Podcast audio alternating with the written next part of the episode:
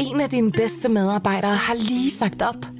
Heldigvis behøver du ikke være tankelæser for at undgå det i fremtiden. WinningTemp indsamler data gennem hyppige og anonyme medarbejderundersøgelser, så du lettere kan mærke pulsen på dine medarbejdere og støtte der, hvor der er behov. Kunder som Alfa Laval, Orkla og Volvo bruger allerede WinningTemp og ser, at det øger trivsel, reducerer turnover og hjælper med at fastholde talenter.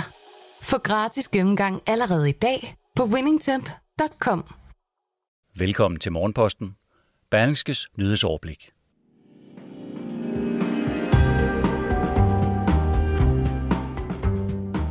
Danmark får en sløj placering på en ny korruptionsliste. Arbejdsklimaet er helt i bund på Kunstmuseet Arken, og så trækker det ud med at få givet ældre borgere det tredje stik med coronavaccinationen. Simpelthen fordi der er mangel på arbejdspres. Det er tirsdag den 23. november. Mit navn det er Morten Olsen, og jeg har redigeret og indtalt den her podcast.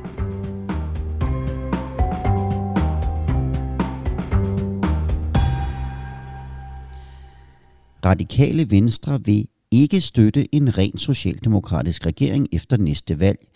Det skriver politikken i dag på baggrund af anonyme udsagn fra en række kilder i partiet.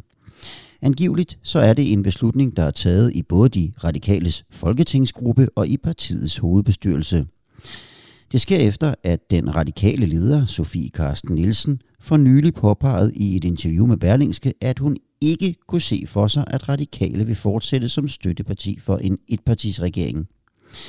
Og det skulle så altså være en beslutning, der nu er truffet endegyldigt i partiet og vil blive offentliggjort inden næste valg.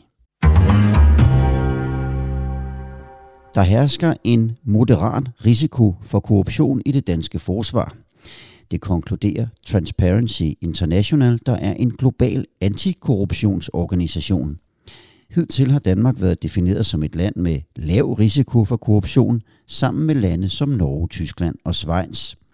Men på Transparency Internationals seneste barometer dumper Danmark nedad og ligger nu sammen med lande som Colombia, Frankrig, Indien og Italien.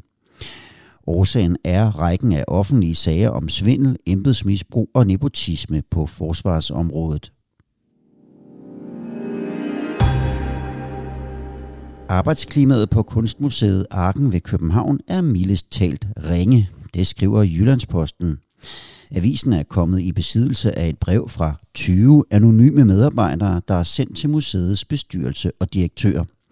Og det er krasse anklager, der står i brevet.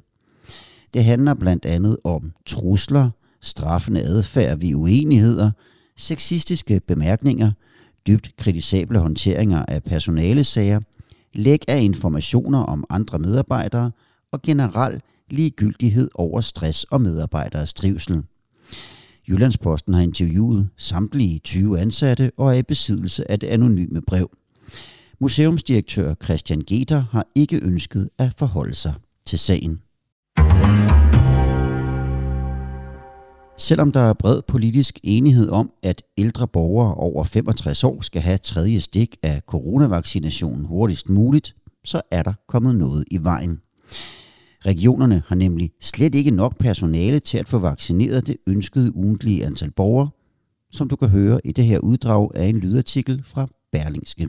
Epidemien er ikke over. Der er nogle hårde vintermåneder, vi stadigvæk skal igennem. Men der er også håb forude. Der er lys for enden af tunnelen. Håbet, det er vaccinen.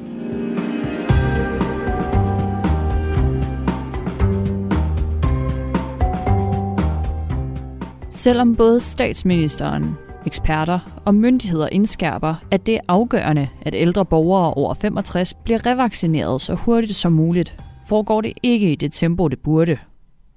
Flere ældre melder om timelange køer og ledige tider, der ligger uger ude i fremtiden, ligesom Region Hovedstaden over for Berlinske har medgivet, at man må belave sig med tålmodighed.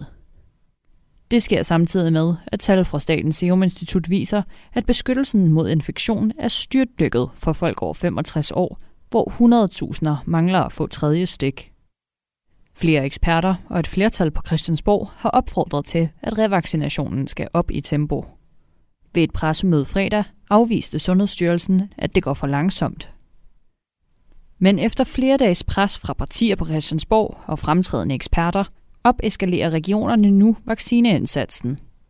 Fra 1. december er planen, at 100.000 skal kunne vaccineres ugentligt i Region Hovedstaden alene. Vi oplever i øjeblikket en stigende smitte i samfundet og øget pres på vores hospitaler, så vi sætter fuld turbo på vaccinationerne, siger regionsrådsformand Lars Gårdhøj. Opskaleringen kommer få dage efter, at Sundhedsstyrelsen afviste, at det går for langsomt med revaccinationen.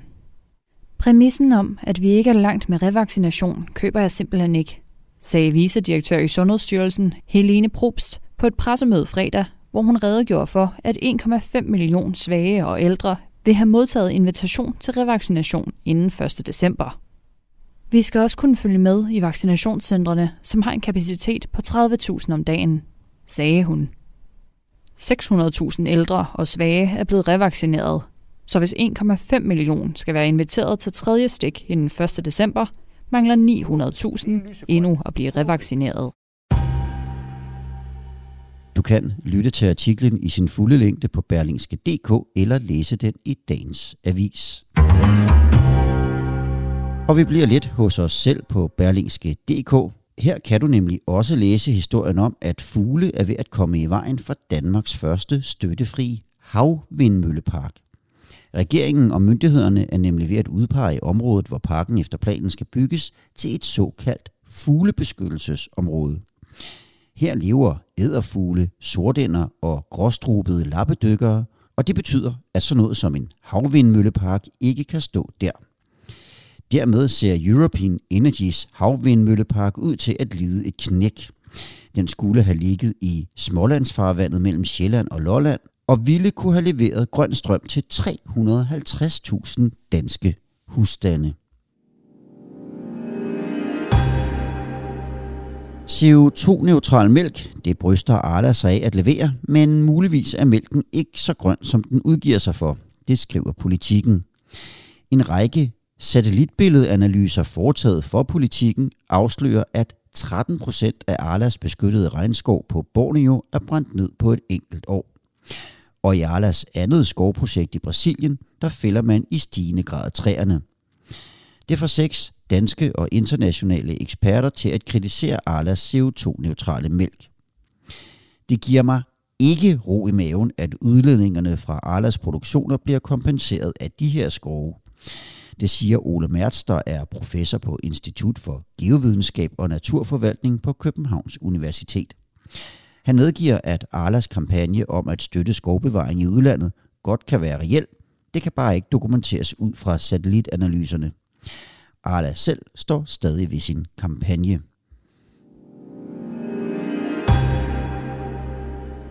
Det er i dag en uge siden, at danskerne gik til stemmeurnerne ved kommunalvalget, men først i går aftes blev den sidste af de 98 borgmestre udpeget.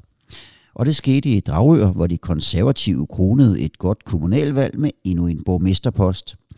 Navnet på borgmesteren er Kenneth Gøtterup, der bliver borgmester med hjælp fra Venstre og Socialdemokraterne. De tre partier har til sammen 11 af de 15 mandater i kommunen, og de konservative er det største parti med i alt seks pladser i byrådet. I retten i Odense i dag, der har man ifølge planen de sidste afhøringer af vidner i sagen, hvor selskaberne Danbunkering og Bunker Holding er tiltalt for at overtræde EU's sanktioner imod Syrien. Og så deltager kronprinsen i dag i konferencen Wind Europe Electric City 2021.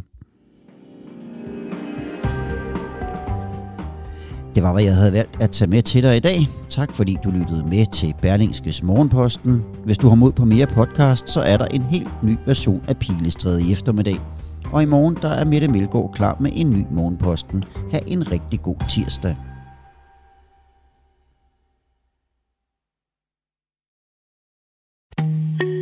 En af dine bedste medarbejdere har lige sagt op. Heldigvis behøver du ikke være tankelæser for at undgå det i fremtiden.